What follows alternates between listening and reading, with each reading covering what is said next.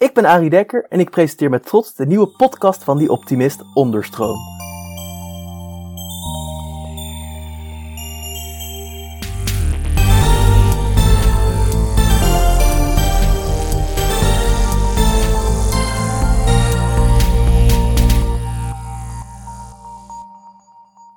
Hallo iedereen! Zoals altijd bieden wij om de week een podium aan mensen en ideeën die meer aandacht verdienen.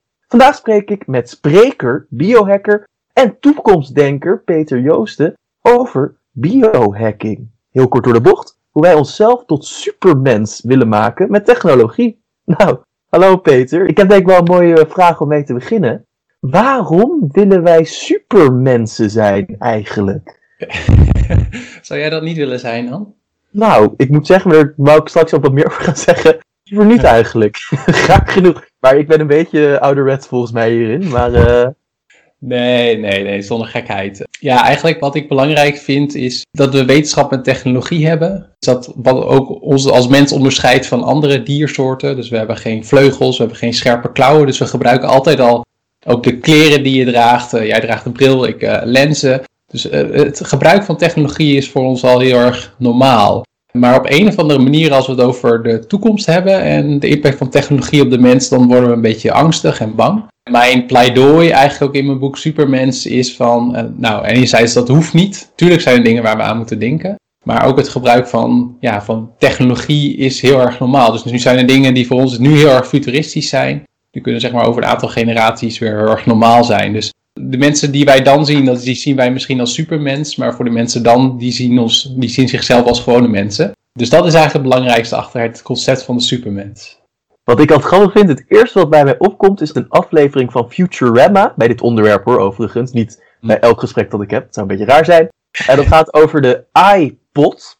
En dan denk jij natuurlijk, oh, de iPod, als in dat ding dat je vasthoudt. Nee, het is geschreven als I, als in oog in het Engels.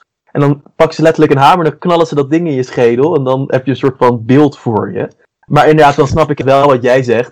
Hey, en ja, want ik vind het ook wel interessant om misschien daar dan een beetje te beginnen over de tijdlijn. Hoe is het beeld van een supermens dan veranderd? Ik neem aan dat een Griek niet zei. Oh ja, dat gaat erover dat je dan dus een chip in je oor steekt. Want ik wist niet wat dat was. ja, ja. Nee, dat, dat is uh, leuk dat je dat zegt. Want het, niet zozeer het het, het idee van een supermens zijn of bovenmenselijke capaciteiten hebben, dat is in, in die mate niet zozeer veranderd. Ik heb, ben ook voor mijn uh, boek ook ja, in de geschiedenis gedoken en eigenlijk vanaf het eerste begin vertellen wij in mythes en sages en verhalen eigenlijk al het idee van mensen met bovenmenselijke capaciteiten. Alleen destijds, omdat we ook nog niet zoveel begrepen van de wereld, hebben we dat zeg maar toegewezen aan, aan goddelijke interventie of daadwerkelijk goddelijke capaciteiten. Uh, en wat je dus ziet is dat dat in, zeker in die verhalen uit de begintijd een belangrijke rol speelt. Denk ook aan de Griekse mythes en sages. Maar ook de epos van Gilgamesh bijvoorbeeld. En dat gaat allemaal over ja, goddelijke krachten. En je ziet eigenlijk wel een verschuiving dat nou, op het moment dat we meer wetenschappelijke vooruitgang boeken, dat dat dan ook steeds meer een plek krijgt in die verhalen. Dus ik schrijf ook over ja, de oorsprong van het verhaal van Spider-Man bijvoorbeeld. kwam eigenlijk ook op in een tijd nou, dat de eerste testen en publicaties kwamen over genetische modificatie. En bijvoorbeeld het verhaal van Frankenstein van Mary Shelley. Daarin werd zij ook geïnspireerd, schijnbaar door de, rond die tijd waren toen demonstraties met elektriciteit en, vonken en dat soort dingen. En dat inspireerde haar ook weer om het verhaal van Frankenstein te schrijven. En uh, mij, een van mijn favorieten is het verhaal van Ghost in the Shell, wat dan een Japanse anime en film is. Dat ook heel erg wordt beheerst vanuit het paradigma vanaf dat moment van robotisering, kunstmatige intelligentie ja, misschien voor de fans van cyberfunk, die denken dan ook aan, aan Neil Stevenson of Neuromancer. Dus het wordt heel erg beïnvloed door de tijd zoals we denken over hoe een supermens eruit ziet. Nee, maar het is natuurlijk ook eigenlijk heel logisch, want je kan je niet iets voorstellen dat niet bestaat. Maar ja. Uh, ja, en dus, nou, nu hebben we daar dus ook een beeld van, maar laten we daar dan straks over verder gaan. Want ik vind het ook wel interessant om het erover te hebben dan, waarom dit ons, dit zo onze fantasie dan inspeelt. Waarom is dit nou? Want ik denk eigenlijk misschien wel dat ik dat kan zeggen dat dit een van de meest gefantaseerde dingen is die er is. Al is het maar dat je zegt ik wil kunnen vliegen. Ik wil iedereen altijd maar iets aan zichzelf veranderen dat nou, bovenmenselijk is. Waarom denk je dat dat zo is? Kunnen we niet tevreden ja. zijn? nou, dat is wel een. Uh, ja, we kunnen niet. Dat is een. Uh, we kunnen niet tevreden zijn, denk ik. Maar ja, daar ben ik al een tijdje over nadenken. Dus misschien heb jij daar ook wel ideeën over. Maar ik kom de hele tijd mee in een soort van schijnbare tegenstelling tussen wat we steeds meer kunnen met behulp van technologie. En een soort van menselijke aard die in zichzelf nou, weinig veranderd is in miljoenen jaren evolutie. Het wordt soms ook wel het monkey brain genoemd, wat primitief reageert. En ik denk dat een van die primitieve reacties is ook wij versus zij. Beter zijn dan de rest, in de groep passen, misschien ook uh, status bouwen, macht hebben. Dus ik denk dat, dat die onveranderende kern, dat het er ook voor zorgt dat we, zeker sommige mensen dan in, in een stam of in een land of in, een, in de wereld, heel erg ver gaan en ook risico's nemen om zichzelf te verbeteren of om ja, inderdaad hun intelligentie of kracht of snelheid te kunnen uitbreiden. Dus wat je eigenlijk dus bijna inderdaad zegt, is dat dat overlevingsinstinct een soort van op hol is geslagen. Ik noem het maar even overlevingsinstinct. dus een oermens die denkt, ah, als ik dan jetboots heb, dan kan ik sneller mijn antilopen jagen. En dan denken wij dus, ah, dan leef ik langer. Wat grappig, dus het komt echt van zo'n oerinstinct om te overleven, vind jij. En daar kan ik me nog best wel bij aansluiten. Want nu dat inderdaad zegt, dus we waren ooit oermensen, zijn langzaam ontwikkeld, daardoor is ons idee van de supermens steeds ontwikkeld. Maar als nou het hele idee van evolutie, hè, dat is dus, wij blijven ons ontwikkelen tot onze beste, nou, wij. Waarom zijn we dan niet al supermensen? Dat klinkt misschien een beetje kort door de bocht, maar als de natuur zeg maar eigenlijk constant maar aan het bezig is om ons te verbeteren, om dus ervoor te zorgen dat wij uh, nou, dingen beter gaan doen en nuttiger gaan doen, makkelijker doen, uh, dingen sterven af die we niet nodig hebben, ja, ga zo maar door. Waarom zijn we niet al supermensen dan? ja, ja, dat is wel een hele interessante vraag, want er zijn ook mensen die de andere kant op redeneren. We komen natuurlijk uit een tijdperk, om het zo maar aan te duiden, van natuurlijke selectie. Met ook willekeurige mutatie, want dat is ook eigenlijk de drijfveer van die evolutie, zijn ook de, ja, de willekeurige mutaties die ontstaan. En dan blijken sommige mutaties beter bij de fit te zijn met de omgeving dan andere. En er zijn dus mensen die zeggen van juist ook door onze gezondheidszorg als een babytje veel eerder wordt geboren dan de bedoeling is, dan nou, dat houden we nu in leven. Ook aan het eindpunt houden we mensen langer in leven. Dus, en dat is heel erg fantastisch natuurlijk. Maar er zijn dus ook mensen die zeggen van ja, eigenlijk heb je het nu niet meer de survival of the fittest. Dus ja, ik vind dat een leuke vraag, maar ook wel moeilijk te beantwoorden. Omdat we, zeker als het gaat om inderdaad het DNA, wat ook elke keer muteert, een drijfveer is van die evolutie, staan we nu wel op een heel bijzonder markeerpunt, denk ik, die ook nog niet door heel veel mensen wordt gezien. Dus ik denk, mijn voorspelling, als mensen over 500 jaar deze podcast luisteren, uh, dat, dat ze dan eigenlijk zeggen van, ja, het is wel opvallend dat de mensen zo rond 2018, 2019, 2020 toch niet echt door hadden wat er gebeurde. Een aantal mensen natuurlijk nagelaten, maar een bekend voorbeeld is rondom uh, genetische modificatie CRISPR-Cas9. Dus het aanpassen van genen doen we eigenlijk al heel erg lang met het veredelen van planten of fokken van dieren. En nou, in laboratoriums proberen we dat ook al, doen we het ook heel lang met chemicaliën en straling, maar eigenlijk met CRISPR-Cas9, waar ook de Nobelprijs voor is uitgereikt in oktober 2020, kunnen we eigenlijk veel sneller en efficiënter en makkelijker. En daar komt ook het bekende voorbeeld vandaan, wat denk ik de meeste luisteraars ook wel kennen, dat twee Chinese baby's ook genetisch uh, zijn gemodificeerd als embryo zijnde. En eigenlijk zou je dus kunnen zeggen dat wij, naar ik weet, de eerste soort zijn op deze planeet die moedwillig de eigen besturingscode heeft aangepast. En dat is natuurlijk best wel, als je daar zo over nadenkt, best wel een ding. Dus ja, als we over 500 jaar er nog zijn als, als, als mensheid, dan kan dit echt een markeerpunt zijn waarbij we het, hopelijk dan ook op een verstandige en goede manier hebben ingezet. Inderdaad, misschien wel dichterbij zijn gekomen naar een iets betere DNA-set. Maar het lastige daarvan, om nog een opmerking te maken, vind ik ook wel dat evolutie en de natuur, dat gedijt juist ook bij diversiteit. Dus dat vind ik ook wel weer spannend. Hè? Van stel je voor dat we steeds meer weten over wat nou goede genen voor bepaalde eigenschappen zijn. Dan ontstaat er misschien kans dat heel veel mensen dat willen. Maar dat kan ons als soort ook wel weer, ehm, hoe zeg je dat? Te eenduidig maken en dat je oh, daar ook weer vatbaar bent voor andere gevaren. Dus er zitten heel veel kanten aan. Ja, ja ik moet zeggen, dit doet me denken. Ik heb ooit, voor mij was het een kinderserie, het was echt nog toen ik jong was. En daarin was inderdaad een aflevering dat iedereen hetzelfde was. Dus dat ook de hoofdrolspeler zo was van, nou, iedereen is hetzelfde. Dat ze zelfs toen nog allemaal zaten te wijzen van, ja, maar deze die heeft, haar kin is uh, net dus 1 centimeter naar links. Dus daardoor is ze dan wel minder geschikt, et cetera, et cetera. Dus wat je inderdaad zegt, ja, daar ben ik het wel mee eens. Ja, we worden gewoon, dan worden we heel eenduidig eigenlijk. Moeten we dat dan wel willen? Maar dat is natuurlijk... Uh, ja, een interessante vraag om te stellen. Ik denk ook dat we hierdoor meteen goed de toon hebben gezet. Ja, ja. Waar dit over gaat gaan. Biohacken dus, eh, als de mensen het nog niet vergeten zijn. Want laten we daar dan een beetje op uh, terug gaan focussen. Want ik wil straks ook nog hebben over de negatieve gevolgen, misschien et cetera, et cetera. Ondanks dat dit een optimistische podcast is. Ja. Maar laten we even kijken. Ik ben namelijk ook wel geïnteresseerd. Ik bedoel, waarom de mens dus geïnteresseerd is, zeg je heel mooi. Dat is een soort overlevingsinstinct van. Uh, nou, uh, we willen de, altijd de betere speer, we willen altijd de betere steen om onze vijand te verslaan. Maar hoe ben jij hier dan zo mee in aanraking gekomen? Je zegt er wat over in je boek, maar ik ben wel benieuwd hoe je het zelf zou omschrijven. Nee, het uh, begon. Uh, vroeger was ik ook altijd wel, vroeger als, als kindje op de basisschool en de middelbare school, was ik wel geïnteresseerd in internet en technologie en dat soort dingen. En toen um, ben ik gaan studeren. In Groningen heb ik bedrijfskunde en journalistiek gedaan. En toen ging ik aan de slag bij een bedrijf wat heel veel deed voor, um, of nog steeds doet eigenlijk, voor gemeenten en provincies. Dus ik was echt een consultant. Nou, in de klassieke zin van het woord, dus heel veel langs gemeenten en provincies. En op zich vond ik dat wel leuk. Alleen het had niet mijn echte passie. En ik was wel een beetje aan het zoeken van wat vind ik nou echt leuk. En dan heb je het over ongeveer vijf jaar geleden. Ik was toen wel heel veel bezig al met, uh, met hardlopen en wielrennen. Gewoon amateurniveau hoor, je moet er niks bij voorstellen. En uh, toen dacht ik van ik wil graag een blog beginnen daarover, want dat lijkt me leuk. Alleen er is ook wel heel veel daarover. Heel veel over sport, sport kijken of zelfs sport doen. Toen uh, destijds was ik, had ik een nieuwe hartslagmeter met GPS, dus ik had daar heel veel zin in om daarmee te gaan trainen.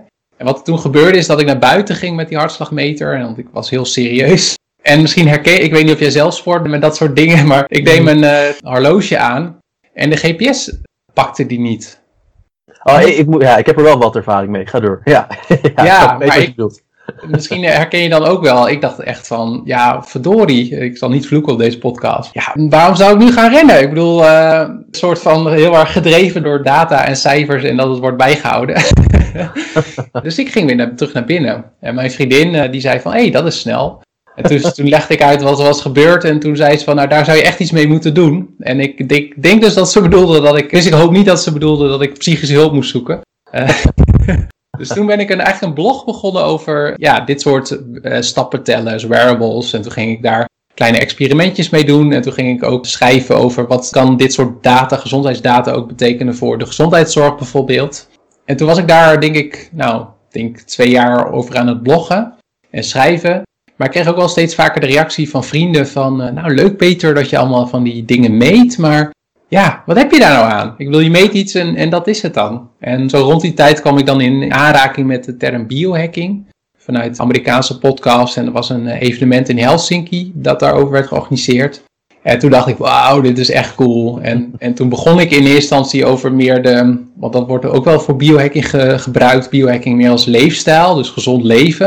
En dat sluit natuurlijk heel erg aan bij die stappentellers, hè? dus kan je je gezondheid goed meten en verbeteren. En toen kwam ik achter van er is ook eigenlijk een andere stroming binnen biohacking wat meer gaat over mensverbetering. En nou, dat, dat greep mij echt van. Dat vond ik echt zo fascinerend en interessant. En toen ben ik daar meer over gaan publiceren. Nou, en dat heeft uiteindelijk toe geleid dat ik mijn baan die ik toen had, kon ik steeds met stapjes afbouwen. En nou, mijn eigen blog en, en spreken opbouwen. En uh, nou, nu, ben, nu ben ik twee, tweeënhalf, drie jaar ook fulltime daarmee bezig. Dus uh, eigenlijk uit de hand gelopen hobby. Maar waarom vind jij dit dan zo interessant? Wat maakt biohacken? Ik denk dat je het ook wel iets breder kan trekken. Waarom ligt dan de toekomst bij biohacken? Waarom is dit van alle technologieën die je had kunnen kiezen, biohacken degene waarvan je dacht, dat is het? Daar ben ik. Dus ik, op een wat grotere schaal zag ik al, denk ik, de impact te zien. Met name ook, en dat vind ik wel, wel leuk om te vertellen, van de oorsprong van de term biohacking. Daar zit ook het woord hacken in. Maar dat is niet zozeer afkomstig van uh, ja, de dark hat uh, hackers, om het zo maar te zeggen, dus de, de cybercriminelen. Maar meer het idee van zoals computerhackers in de jaren 60 en 70, zoals Bill Gates en Wozniak en uh, Jobs. Die gingen eigenlijk, de, ja, de computers die er dan waren, gingen ze, die waren gebouwd voor een bepaald doel, maar zij gingen daaraan knutselen en sleutelen om het sneller te maken of een nieuwe versie of aan te passen of het geheugen uit te breiden of extra functies toe te voegen. En als je kijkt wat voor invloed die computerhackers van die tijd hebben gehad op de wereld, dan is dat natuurlijk, op de, onze wereld op dit moment, is dat natuurlijk immens. En daar komt de term biohackers vandaan, dat we nu ook eigenlijk steeds meer kennis hebben over het menselijk lichaam en dat je daar dan ook op kan ingrijpen, of dat je ook op biologie, met biotechnologie daarop kan ingrijpen. Dus ik verwacht dat dat eenzelfde uh ontwikkeling meemaakt. Dus dat was wel iets waarvan ik dacht van hé, dat vind ik uh, interessant. Ja, en het andere is denk ik ook een soort van meer persoonlijk. Dat ik uh, ook, dat begon dus al met dat meten met dat sporthorloge. Dat ik heel erg nieuwsgierig ben naar mijn eigen lichaam. En, en wat ik ermee kan en hoe het reageert. En hoe ver ik ermee kan gaan. En ja, die twee dingen gecombineerd dacht ik van, oh, dit vind ik echt wel boeiend.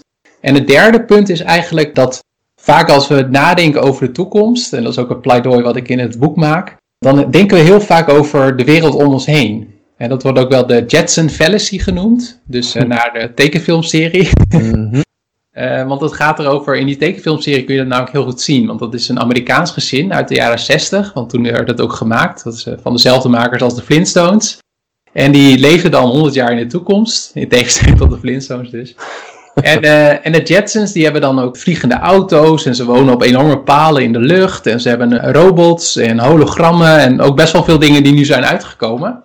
Maar er is één probleem, want de wereld om hen heen is veranderd door wetenschap en technologie, maar zij zijn nog precies hetzelfde.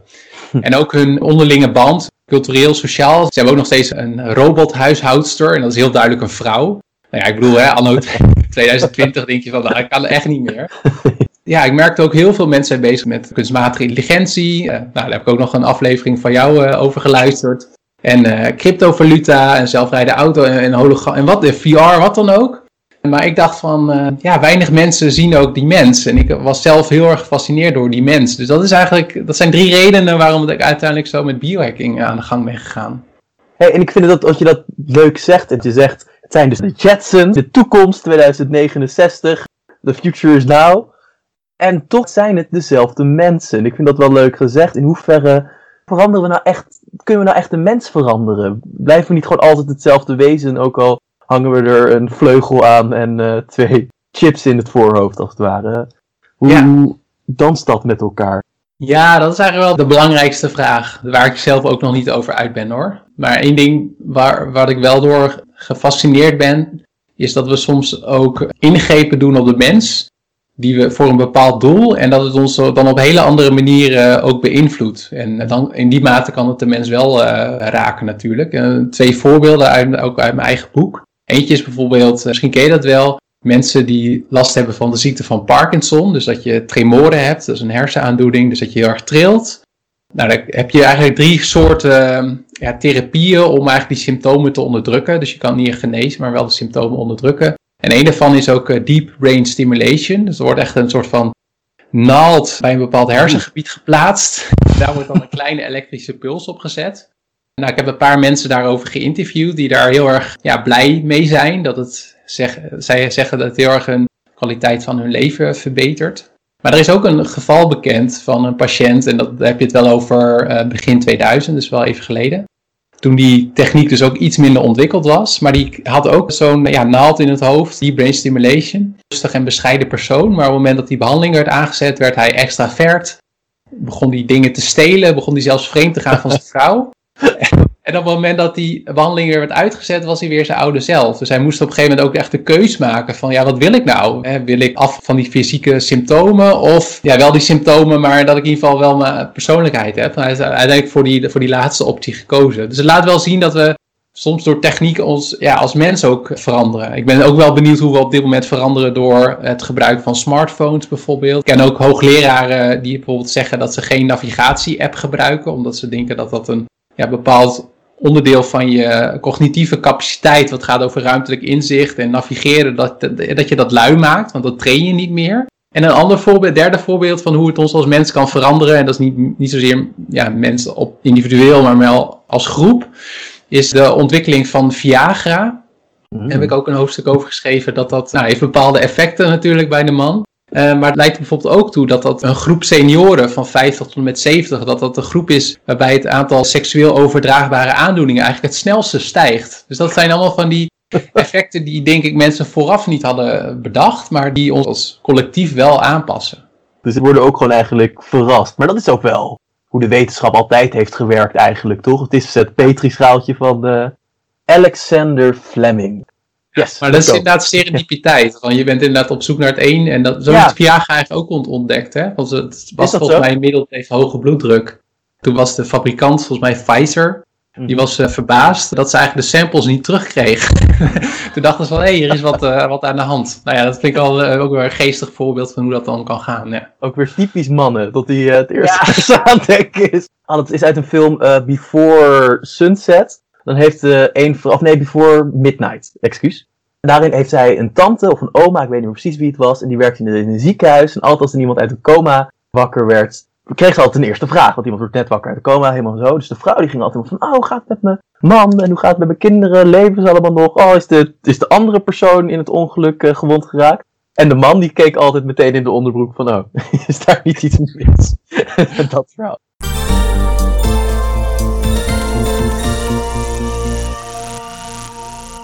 Hey, en dat vind ik wel cool, wat je nu dus zegt. Ten eerste dus dat we op deze manier ons bijna een beetje doorheen tasten, wat misschien niet helemaal goed is. Maar laten we er straks maar, laten we alle negatieve dingen lekker vooruit schrijven voor nu. maar ook dus, er bestaan al biohacking. Dus je zegt dat Viagra zelfs al als biohacking kan worden gezien. De future is nou als het ware. Ik had nou niet gedacht van uh, dat bestaat al. Ik zou denken aan een Elysium, de toekomst. Ja, Geef voorbeelden, hoe, wat, waar kan ik allemaal laten biohacken? Ja. Je zou kunnen zeggen dat vaccineren dat het ook al een soort van biohacking of mensverbetering is. Want dat is eigenlijk een onnatuurlijke manier waarop we onszelf verbeteren. In ieder geval uh, ja, gezond blijven. En verder ja, een aantal voorbeelden, en dat is ook wel een belangrijk onderscheid. Wat je vaak ziet, want vaak zeggen mensen, nou waar komen die biohack technieken of methoden, waar komt dat nou vandaan? Is dat nou het soort van James Bond schurk ergens of het leger? En of uh, de Paralympische Spelen. Nou, het zijn allemaal wel goede antwoorden op zich. Maar wat ik interessant vind, is dat eigenlijk de meeste van dit soort ontwikkelingen, die komen uit de medische technologie of medische innovatie. En dat wordt vaak gedaan dat, we, ja, dat wetenschappers eigenlijk iets onderzoeken om patiënten te helpen. Dus dat ze weer op het niveau kunnen functioneren zoals als, uh, gezonde mensen, om het zo maar te zeggen. En dan is het idee achter biohacking dat dan ook gezonde mensen dezelfde techniek gaan gebruiken om zichzelf te verbeteren. Dus je, dat zie je bijvoorbeeld ook rondom uh, Ritalin en Adderall. Dat zijn dan farmaceutische middelen tegen ADHD uit mijn hoofd. En dat wordt dan ook gebruikt door gezonde mensen die nou, daarmee hun cognitie of hun geheugen of concentratie willen verbeteren. Denk ook bijvoorbeeld aan exoskeletten. Een jongen geïnterviewd met Lazy, die traint daarin. En dat hij weer enigszins kan lopen. Maar dus dat is heel erg mooi. Maar tegelijkertijd werkt bijvoorbeeld ook Ford in de fabriek in Amerika en ook het Amerikaanse leger en ook de Nederlandse marine, die gebruiken ook exoskeletten. Dus zo'n uitwendig robotpak, ook voor ja, hun medewerkers of soldaten te helpen. En rondom genetische modificatie zie je hetzelfde. Dus ja, wordt nu gekeken van en onderzocht van hè, bijvoorbeeld leukemie, dat je het bloed uit de patiënt haalt, genetisch aanpast en weer bij de patiënt inbrengt. Ook al bij bepaalde oogaandoeningen of genetische aandoeningen. Nou, ik denk dat we met z'n allen dat allemaal wel heel erg voor zijn. Maar tegelijkertijd zie je dus ook al mensen die nadenken van, hey, kunnen we dat ook gebruiken om onszelf te verbeteren? Dus eigenlijk op al die terreinen gebeuren al heel veel dingen. En sommige zitten, wat mij betreft, echt nog wel wat meer in de science fiction wereld van Elysium, zoals je dan net beschreef. Zoals uh, inderdaad mind uploading, dus dat je virtueel kan verder leven. Of mensen die op het moment dat ze overlijden en ze kunnen niet meer, nu niet meer worden geholpen aan waar ze aan overlijden, aan hun aandoening, dat ze tijdelijk worden ingevroren en weer worden ontdooid. Dat heet dan cryogene suspensie als het, uh, ja, de techniek er rijp voor is. Dus er zit wel een heel scala aan, maar een heleboel van dit soort dingen, wat ik net noemde, genetische modificatie, exoskeletten, farmaceutische ingrepen, protheses, ja, dat zijn dingen die er nu al zijn. Dus dat eigenlijk is wat jij zegt. En dat, dat sluit ook wel aan bij de opmerkingen over die computerhackers. Want die werden zeg maar in die tijd ook een beetje weggezet als de freaks en de weirdo's en de nerds. Maar moet je toch kijken wat voor impact die hebben op onze huidige wereld. Dus ik denk dat dat ook geldt voor die voorbeelden die ik net heb genoemd. hey, en ook wel grappig dat je dus zegt, we willen biohacken. Dat zei je, dat was aan het begin van de podcast. We willen biohacken uit een soort van overlevingsdrang van we moeten beter, sneller, sterker, faster. Het nummer van Daft Punk noem je zelf ook in je boek. Maar wat je dan dus nu zegt, is eigenlijk wel dat de meeste uitvindingen op dit gebied bijna een beetje, nou, niet per ongeluk natuurlijk, maar bijna een beetje een neveneffect hebben dan dus. Dat is wel grappig, dat dan dus uiteindelijk waar het vandaan komt is per ongeluk. Waarom is dat dan, denk je zo? Is dat, of ja, dat zit wel in hun achterhoofd zo van, we willen gaan biohacken, denk je? Of is dat niet... Ja. Nee, nee, ik denk niet dat het, in ieder geval bij de oorspronkelijke onderzoekers, dat dat niet per se het idee is. Nou, je hebt natuurlijk wel van die visionairs en technologieondernemers zoals Elon Musk. Uh, want ik had net gehad over dat deep brain stimulation, zo'n naald in je hoofd. En Elon Musk is ook wel bekend vanuit zijn initiatieven met Neuralink. Dus dat is ook een, een chip in je hoofd. In eerste instantie ook voor ja, neurologische aandoeningen. En die heeft al wel de visie van we kunnen dit soort technieken niet alleen oh, in het begin vooral gebruiken om mensen te helpen, maar daarna ook om te upgraden. Maar ik denk dat het een soort mechanisme is. Dat al die wetenschappers op zichzelf, of artsen of ontwerpers, die zijn heus niet mee bezig om een supermens te maken. Dat geloof ik niet. Maar die, ja, die hebben echt het beste voor met hun onderzoek en met hun patiënten. Ja, en dan is het wel een soort van, zeker als het niet goed wordt gereguleerd, wel een soort van neveneffect. Ook met de hoeveelheid mensen die we hier op deze aarde hebben. Dat er dan mensen zijn die zeggen van, hé, hey, ik wil dat proberen om, om mij daarmee te verbeteren. En als het dan voor die persoon lijkt te werken, dan kan er ook inderdaad zo'n sneeuwbaleffect ontstaan dat veel meer mensen dat gaan gebruiken. Dus het is, ja, ik denk dat in een bepaalde manier dat dit, dat dit ook onvermijdbaar is. Ja. Hey, en, want dus, het is dus onvermijdbaar, maar dat komt dus inderdaad ook gewoon dat mensen blijven nadenken over problemen en blijven oplossingen vinden. Wat natuurlijk iets heel goeds is eigenlijk. Dus blij dat dat zo is. Maar dan inderdaad dus wel, als dan opeens iemand het in zijn kelder gaat doen, kan het misgaan. Wat me ook wel, is dat, is dat nou niet ook zo? Ik bedoel, altijd in een film is het zombievirus, even heel slecht voor wat is, is altijd iemand die dan weer medicijn voor, nou ja, noem iets, uh, voor aids aan het zoeken is. En dan opeens breekt een aap los waar het op wordt getest, die bijt iemand en de wereld vergaat. Denk je niet dat dat ook kan gebeuren met biohack? Is het eigenlijk niet best eng? Dat dit zo bijna een beetje losloopt, als het ware. Ja, eh, zeker is het wel eng. En dat, dat, daar zitten ook inderdaad, je kan denken aan bioterror, de inzet van biowapens of nou ja, de inzet van exoskeletten in het leger. Dat is ook niet per se een, positief uh, aspect natuurlijk. Maar tegelijkertijd is dat denk ik iets wat, en daarin zit wel ook wel de vergelijking met het gesprek met Jim dat jij had. Dus voor de mensen die er nog uh, moeten kunnen luisteren, luister dat vooral. Heel fijn dat je dit het pluks doet. Dat vind ik heel super. Top gast. ja, want ik vond dat, dat, uh, dat het daar wel goed naar voren kwam. Dat namelijk van, het komt eraan, het, hoe je het ook wendt of keert. Dus je kan inderdaad de andere kant op kijken en het soort van negeren en wensen dat het er niet is.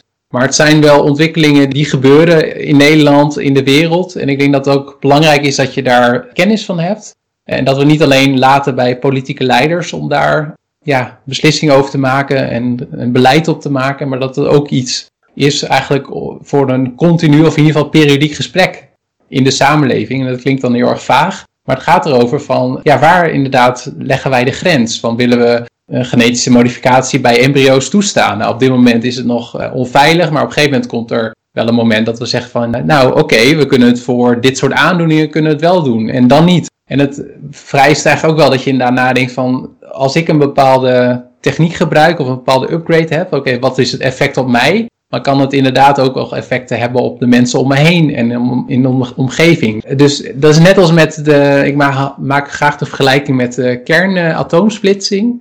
Dus dan heb je natuurlijk, uh, om even licht onderwerp te pakken. Want aan de ene kant kun je dus zeggen van, uh, het heeft nucleaire bommen, is het effect. Aan de andere kant hebben we er ook, zeg maar, kun je er kernenergie van maken. Dus het klassieke idee van technologie, van we kunnen, het, we kunnen de wereld echt fantastisch en uh, volgens de visie van de optimisten van maken, zeg maar. Of het wordt een van, pik een van de vele Hollywood films. Dus ja, en ja, ik denk dat het belangrijk is, is om daar bewust van te zijn, om erbij te zijn en over na te denken. Ja. Ja, en ik denk, jij geeft dat ook wel mooi weer in je boek. Jij geeft ons, of tenminste, jij zet, een, je zet echt in de stijgers, dat je zelf ook zo van, nou, dit is een voorstel meer dan dat het echt al een staand iets is. Je geeft principes waar wij ons dan volgens jou aan moeten gaan houden om dit nou, in te perken. Uh, en dat zijn dan, ik heb ze opgeschreven, kennis, verantwoordelijkheid, waarde, diversiteit en keuzevrijheid. Misschien uh, dat je daar wat meer kan over toelichten. Ja, nee, laat ik het zo zeggen. Het lijkt er vaak op dat als we, dat het vroeger zoiets was van er kwam, werd iets nieuws ontdekt of ontwikkeld of bedacht. Van het kan, dus we gaan het gelijk doen. We gaan het gewoon toepassen. En ik denk dat de, ja, ik heb geen goede vertaling ervoor, dat de, de stakes worden hoger. Dus de gevolgen en de impact van wat we nu gaan uitvinden en wat er nu al is en wat gaat komen, dat dat steeds groter wordt.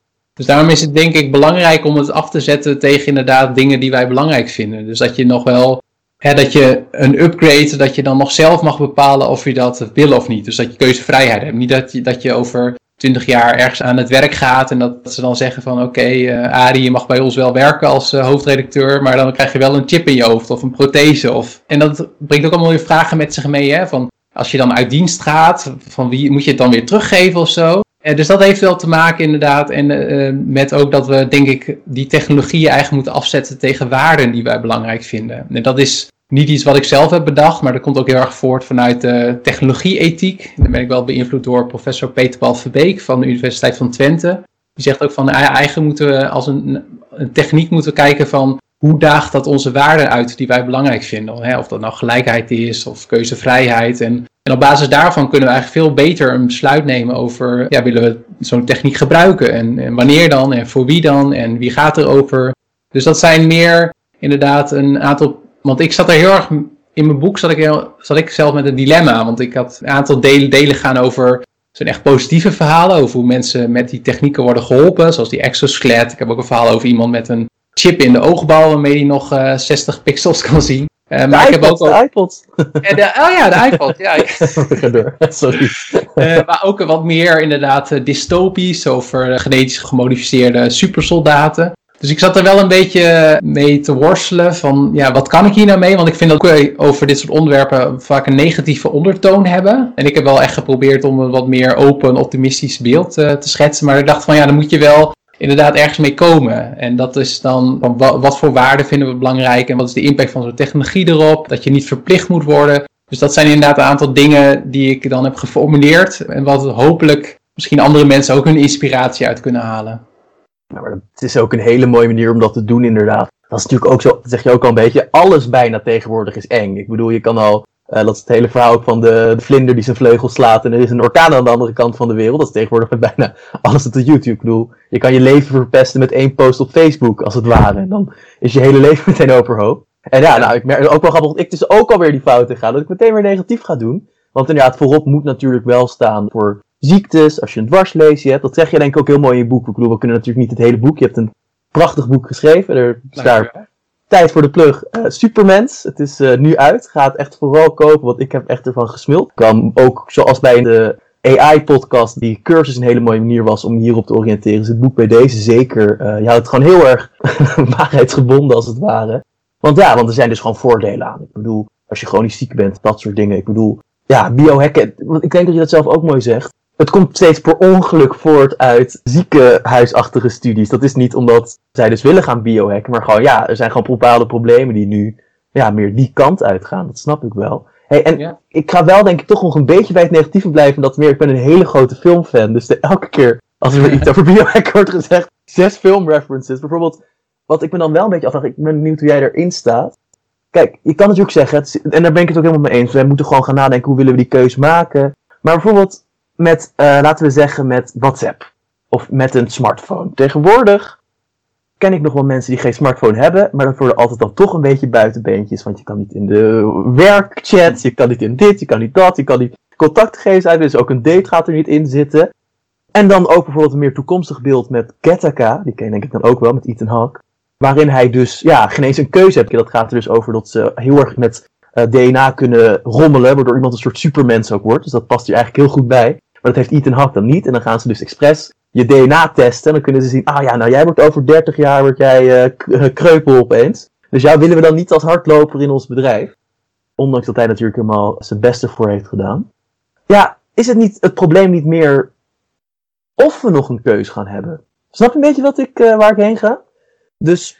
Ja, ja, ik denk het wel. Of ja, het antwoord is al of ik jou, jou begrijp. Maar dat is ook wel iets wat ik wel lastig vind. Omdat het tegelijkertijd ontwikkelen we dit soort dingen juist ook inderdaad om ons als mensheid vooruit te, eh, te helpen. En ik denk, zoals in de film Gattaca, maar ook het boek Brave New World, en misschien ook 1984 en andere boeken en films en series, zoals Black Mirror, vind ik ook, uh, worden ook natuurlijk vaak aan gerefereerd. En ik denk dat dat allemaal wel mooie voorbeelden zijn van technologie, maar eigenlijk gaat het nooit echt om die technologie zelf, maar meer inderdaad legt het meer de machtsverhoudingen bloot. In het geval van Gattaca inderdaad dat de overheid die macht heeft en dat dan ouders voor die keus worden gesteld van wil ik een kind op de natuurlijke wijze of wil ik hem eh, bij de plaatselijke geneticus eh, laten verwekken. En dat raakt zoveel dingen die verder gaan dan alleen die techniek van DNA-selectie en DNA-editing. Raakt inderdaad meer over de relatie tussen ouder en kind. Over ook, en dat is wel een zorg die ik heb hoor, want je noemde net WhatsApp. Uh, met zo'n soort van sociale uitsluiting. Nou, hetzelfde zie je ook al een beetje als het gaat bijvoorbeeld om gebruik van, van, van die farmaceutische middelen, zoals Ritalin en Adderall. Van, kun je niet meer meedoen op het moment dat je een opt-out doet, dus dat je er niet voor kiest. Kijk, en nu, inderdaad, met de telefoon is het nog redelijk onschuldig. Maar wat als die techniek steeds meer in ons lichaam komt? Heb je dan nog wel makkelijk de keus, zeker als je een significante voorsprong hebt op het moment dat je dat, daar wel in, uh, mee in zee gaat. En ook, ook voor bedrijven, want al die technologiebedrijven zoals Google en Facebook, die zijn ook nu aan het kijken naar dit soort ja, mensverbetering, biohacking technologieën. En onze relatie daarmee op dit moment is natuurlijk ook een beetje ambigu. Dat we ja, onze data opgeven voor gratis e-mail, gratis search, allemaal dat soort dingen. Maar aan de andere kant ben ik daardoor niet per se pessimistisch. Omdat we daar nu steeds meer, denk ik, bewust van zijn. Overheden zich daar bewust van zijn. Bedrijven misschien daardoor ook weer een beetje ja, terugdraaien op dat soort dingen. Dus dat, dat kan ons juist ook wel misschien weer klaarmaken voor ja, de volgende golf van, van dit soort technologieën die eraan zitten te komen. Ja. Ja, en ook nogmaals, inderdaad, waar WhatsApp misschien zijn nadelen heeft met het hele uitsluiten, is het wel weer het voordeel dat ik een persoon die in Haarlem woont, bijvoorbeeld gewoon in twee seconden kan bereiken. En dat wij nu, toevallig digitaal, uh, gewoon lekker met elkaar ja, zijn aan het praten en aan het kletsen. Ik bedoel, alles heeft natuurlijk voordelen en nadelen. Ik denk dat dat ook een goede les is om hieruit op te nemen. En zolang je maar wel ervan bewust bent, dit zijn de nadelen en niet gewoon blind erin rent, moet dat te overzien zijn, ja. ja. Nou, nou, we hebben het zelfs over het negatieve gehad. Nou, lekker eh, alle kanten. Hey. En ik, ik vind het altijd leuk om aan het einde van de podcast meer op de toekomst te richten. Want we hebben het dus nu al gehad, wat mij dus verbaast. Biohacking bestaat al. Dus nogmaals, er worden al mensen ingevroren. Ook nog even een paar voorbeelden noemen, dat mensen nog meer van dat soort ideeën krijgen. Er zijn al robotskeletten, natuurlijk inderdaad primitieve vormen. Nog niet dat je er echt mee loopt, gewoon dat er een hendeltje in zit. Maar uh, borstvergroting noemde jij ook al als een semi-biohacking. Dus die past eigenlijk gewoon alles waarbij je lichaam aanpast. Maar um, nou, ten eerste natuurlijk, waar gaan we heen? Welke ontwikkelingen gaan er denk jij komen? Dus hoe ziet de toekomst er dan uit? Uh, laten we daar gewoon als eerste aan gaan houden. Wat ja. Zijn, loopt ja, wel met een chip in ons oog, uh, zeg maar? Ja, wat ik, wat ik hoop is, um, kijk, we hebben natuurlijk als mensheid ook met, met meerdere uitdagingen te maken. Dus het is niet alleen dat biohacking de enige is, ook uh, ongelijkheid, klimaatcrisis om een paar voorbeelden te noemen. Maar aan de andere kant kan het biohacking hier ook wel weer bij helpen. Want een van de grootste gevaren, wordt gezegd, is ook het verschil tussen de rijken en de armen. De haves en de have-nots, die dan de, de rijken dit soort dingen kunnen betalen. Maar je kan natuurlijk ook omdraaien. Je kan ook nadenken over een soort van ja, systeem zoals we dat in Nederland kennen. Dat het, dit soort dingen voor iedereen beschikbaar is. Kan misschien er juist ook voor zorgen dat er meer gelijke kansen ontstaan. Dus eh, mijn beeld van de toekomst is dat we meer van dit soort technieken gaan zien. En dat we dat in eerste instantie dat dat meer wordt gebruikt inderdaad in de geneeskunde. En dan vind ik het wel heel spannend om te zien van is dat dan mensen die dat op zichzelf gaan toepassen om zichzelf te verbeteren. Blijft dat dan wereldwijd een kleine groep of zijn er misschien ook landen die daarvoor kiezen? Tegelijkertijd zou het ook voor kunnen zorgen dat we in het, het lijden in de wereld verminderen. Uh, als je hè, nadenkt over hoe protheses, exoskeletten, biotechnologie kunnen helpen. Dat misschien ook het welbevinden van ons allemaal, dat allemaal toeneemt. Maar het hangt wel inderdaad af van ja, de, de keuzes die we daarin maken. Over de toegang hiertoe, in welke mate je inderdaad die keuzevrijheid hebt. Dus in essentie ben ik er wel heel optimistisch over. En op de nog wat langere termijn, maar dat is ook wel een soort van vraag die ik zelf had ook in het boek van, heb je natuurlijk ook mensen die zeggen van ja, dat, dat supermens, dat de mens is op, op een gegeven moment ook niet meer relevant. Dat is denk ik nog wel iets te ver van de scope van mijn boek. Maar ik vind het wel interessant dat je, want je noemde net al over de smartphone, we communiceren nu via internet. Je hebt ook van die ideeën zoals het, het technium of het superorganisme. Dat we eigenlijk met z'n allen, in de wijze waarop we verbonden zijn, dat, dat dat eigenlijk ook al een nieuw soort organisme is, waarin we een soort van onderdeel zijn. En dan kun je natuurlijk denken aan uh, Bijenkorf, uh, je kan ook denken aan de Matrix. Maar goed, ik zou het optimistisch houden, want het hoeft niet per se iets slechts te zijn. Als het ook ja, voor onszelf als mensen, dat we daarmee gelukkiger zijn, misschien dat we dan ook ja, meer verbonden zijn. Dus het is lastig om een goed beeld van de toekomst te geven, maar het is wel dat ik denk van ja, als we daar de juiste keuze in maken, als individuen, als bedrijven, als overheden, dat het juist, nou, dat we misschien langer kunnen leven, dat we meer, minder lijden in de wereld hebben. Misschien zijn zelfs ook denkers die zeggen van dit soort technieken kunnen we juist gebruiken om de klimaatcrisis op te lossen. Als we met z'n allen veel slimmer zijn en met elkaar verbonden zijn. Dus um, nee, ik, uh, ik sta er eigenlijk wel positief in. Ja, en dus ook, jij ziet ook echt wel voor je dat in de toekomst dus mensen nou, zichzelf hebben geupgrade. Dus bijvoorbeeld dat ze dus meer contact met elkaar gaan hebben. Dat ze hun leven verlengen om meer overzicht te hebben. Dat soort dingen. Dat zie jij echt wel nog gebeuren in uh, de toekomst. Hey, en wat zijn dan denk je volgens jou de meest potentiële op het moment? Van welke denk je, nou dat is in de toekomst heeft iedereen bijvoorbeeld dus, je had het over een chip in je hand, om dan dus bijvoorbeeld mee te betalen. Ja. wat is volgens jou dan, ja, hebben wij in de toekomst allemaal een chip in onze hand? Zijn er andere ontwikkelingen waarvan ik, nou dat heeft iedereen over nou, 30 jaar, zeg maar, of misschien nog iets verder weg. Ja. wat zijn de meest belovende biohacker? Ik denk uh, twee die er voor mij wel uitspringen als je het hebt zeg maar, over de toekomst. Ik denk genetische modificatie en biotechnologie. Dat springt er voor mij wel uit. Dus ik denk dat dat inderdaad de manier waarop we ja, onszelf voortplanten is een, niet zoals Kataka is uitgewerkt. Maar dat is best wel een reële mogelijkheid tegen die tijd. Maar ook dat we dan zelf regelmatig misschien van dat soort genetische behandelingen ondergaan om ja, ziektes tegen te gaan. Misschien om verouderingsprocessen tegen te gaan. Uh, dus dat biotechnologie, genetische modificatie is één. En de ander, waar ik wel veel van verwacht, is uh, nou, het onderzoek op het gebied van hersenwetenschappen en neurotechnologie. En ik verwacht niet dat we in de toekomst allemaal zo'n invasieve methode hebben. Dus echt een uh, naald in je hoofd of een chip in je hoofd. Wel voor bepaalde aandoeningen, hè? dat kan ik me het goed voorstellen. Maar ik ben ook wel gefascineerd door de vorderingen die er nu zijn op brain-machine interface of brain-computer interface. Dus dat is meer over dat je ook aan de buitenkant van de schedel juist ook weer met behulp van kunstmatige intelligentie, dat ze steeds bedrijven en onderzoekers steeds beter worden in het aflezen van die hersensignalen. En ook eh, bedrijven zoals Facebook is daarmee bezig. Zou natuurlijk ook de, de wijze waarop we met computers of met machines of met andere dingen interacteren, ja, zal in ieder geval uh, denk ik ook wel weer anders worden. En misschien sneller en hopelijk ook beter. Dus dat, die, die brain-computer interface en dat biotechnologie zie ik eigenlijk als de grootste kanshebbers, om het zo maar te zeggen. Ik herinner me nog in de Donald Duck dan was er uh, Willy Wortel, de grote uitvinder, die had een uitvinding gedaan en dan kon iedereen een helm op zijn hoofd zetten en dan werd er een boek voor hem geschreven. Dus alleen maar na te denken, dit is het boek, daar moet het over gaan. En dan ging de printer aan de tik, tik, tik, maar toen was dus iedereen boeken aan het schrijven en dat was dan het probleem quasi. Maar dat zie jij dus ergens wel gebeuren. Hoe meer wij begrijpen van hoe onze hersenen werken, hoe meer wij niet per se dan een boek gaan schrijven, maar zodat je meer interactie hebt op zo'n fysieke manier met een computer. Dus dat je nou, misschien oprecht wel ooit niet meer hoeft te tikken als het ware met je handen, maar uh, gewoon heel hard denkt aan een woord en dan staat het op je scherm. Ja, ja kan natuurlijk ook, uh, maar goed, ik moet natuurlijk niet negatief zijn. Ja. natuurlijk ook uh, het idee dat alles wat je denkt, maar dat zal dan hopelijk niet zo zijn, op een nou. beeld of uh, zichtbaar wordt of hoorbaar wordt, dat is ook niet per se een goed idee. Maar ja, zeker voor patiënten met locked-in syndroom, die niet meer kunnen, daar wordt nu heel veel onderzoek naar gedaan. Nou, dat is toch fantastisch als die weer enigszins kunnen communiceren met de buitenwereld. Oh ja, daar heb ik nog geen eens aan gedacht. Dat is veel logischer dan mijn stomme Donald Duck. Iemand die dus bijvoorbeeld dan echt, als hij in een coma zit, toch een soort van een beeldscherm heeft dat je ziet wat er gebeurt. Wat cool zeg. Hey, en dan nog een laatste vraag. We zitten namelijk jammer genoeg al onze tijd, hoe interessant het ook is. er zijn dus al biohacking methodes. Zijn er sommige die je aanraadt? Ik hoorde, jij hebt een chip in je hand, toch? Of ergens zitten. Zijn er al technieken waarvan je zegt, nou eigenlijk zou ik dat gewoon maar al, al doen. Dat is handig, leuk, voeg toe. Viagra denk ik niet dat je gaat aangaan, maar wie weet.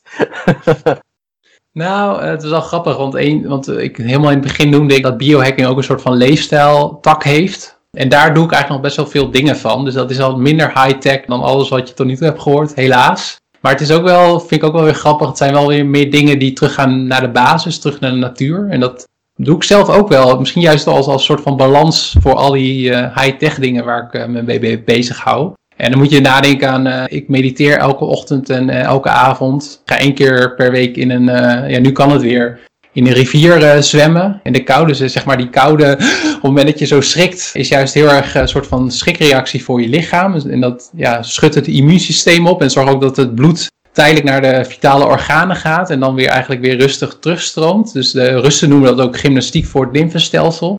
En af en toe doe ik ook aan intermittent fasting. Wat dan ook dat je een bepaalde periode niet eet. Om ook je, ja, je maag-darmsysteem zeg maar even rust te gunnen. Dus ik zou meer eh, voor de mensen die luisteren, zou ik daarmee beginnen. Als je het echt hebt over het effect op jezelf. Want de technieken dat je een pil slikt waarmee je 10 extra gezonde levensjaren erbij krijgt. Of een hersenchip waarmee je direct bent geconnect met het internet, dat is er nog niet. Maar ja, voor die mensen kunnen natuurlijk mijn boek kopen om daar ook van up-to-date te blijven. Goeie.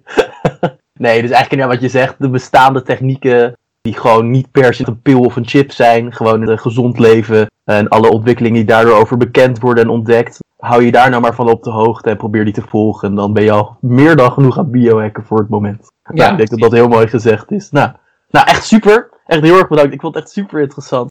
Nou, leuk. En, uh, ja, echt super leuke vragen gesteld. Een aantal uh, dat ik dacht van, jeetje, hoe zit dat ook alweer?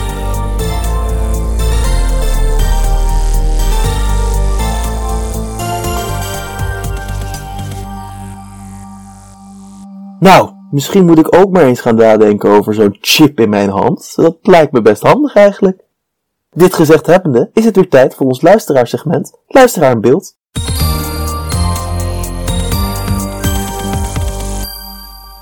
We hebben veel goede feedback en reacties op de Natuurlijke Genezingspodcast gehad. Zo waren er veel mensen die vertelden over hun positieve ervaringen. Toch vond ik de reactie van Aad misschien wel het mooist. Wat ik vaak merk bij natuurlijke genezing is dat mensen blind aannemen dat het minder is. Het voldoet niet aan de strenge eisen en zal dus wel oplichterij zijn. Ik, en met mij veel vrienden en hopelijk ook andere luisteraars, heb veel positieve ervaringen gehad. Natuurlijk moet je niet de normale genezing geheel links laten liggen, maar het zou de wereld goed doen als meer mensen zich voor deze prachtige geneeskunde zouden openstellen. Aad wil dus duidelijk meer natuurlijke genezing zien. Als dit de eerste podcast is die je van ons hoort, kan je via onze website, Spotify of welke plek je dan ook graag podcast luistert, de hele podcast over natuurlijke genezing luisteren, waar dit een reactie op was. In deze podcast vertelt Lanke Poeders hoe het luisteren naar gevoel tot genezing kan leiden en welke rol eten daarin speelt. We zijn er over twee weken weer, maar in de tussentijd hoef je natuurlijk niet met je duimen te gaan zitten draaien. Zo is het nieuwste nummer van die Optimist 196 uitgekomen, met als thema trouw. Je hoort hierin de unieke stemmen van bijvoorbeeld Scouting Nederland voorzitter Jaap Boot en Mark van Baal, die je al in aflevering 9 kon horen over zijn initiatief Follow Vis, over wat trouw volgens hun inhoudt. Wat wil jij aan jezelf laten upgraden? Laat ons weten via redactie.optimist.nl of via de reacties onder ons websitebericht. Wie weet ben jij dan de volgende luisteraar in beeld. Ook zouden wij het super vinden als je een goede review zou willen achterlaten op Apple Podcasts. Als laatste wil ik ook nog Anouk Wolf bedanken voor het maken van de muziek bij deze podcast. Van de, eh, nou die vergeet ik zijn naam, dat kan echt niet. Penicilline, eh, ja. Was dat... Nee. Nou, ik weet wat je... Ik heb laatst nog een boek daarover gelezen, kwam het ook in voor, van Bill. Bryson. Over de... Inderdaad, de ontdekking van penicilline. Maar wat dan nou... geef het de Alexander Fleming, dankjewel. Oh ja. Nou, ik ga ook doen alsof we dit al meteen wisten. Het is knip.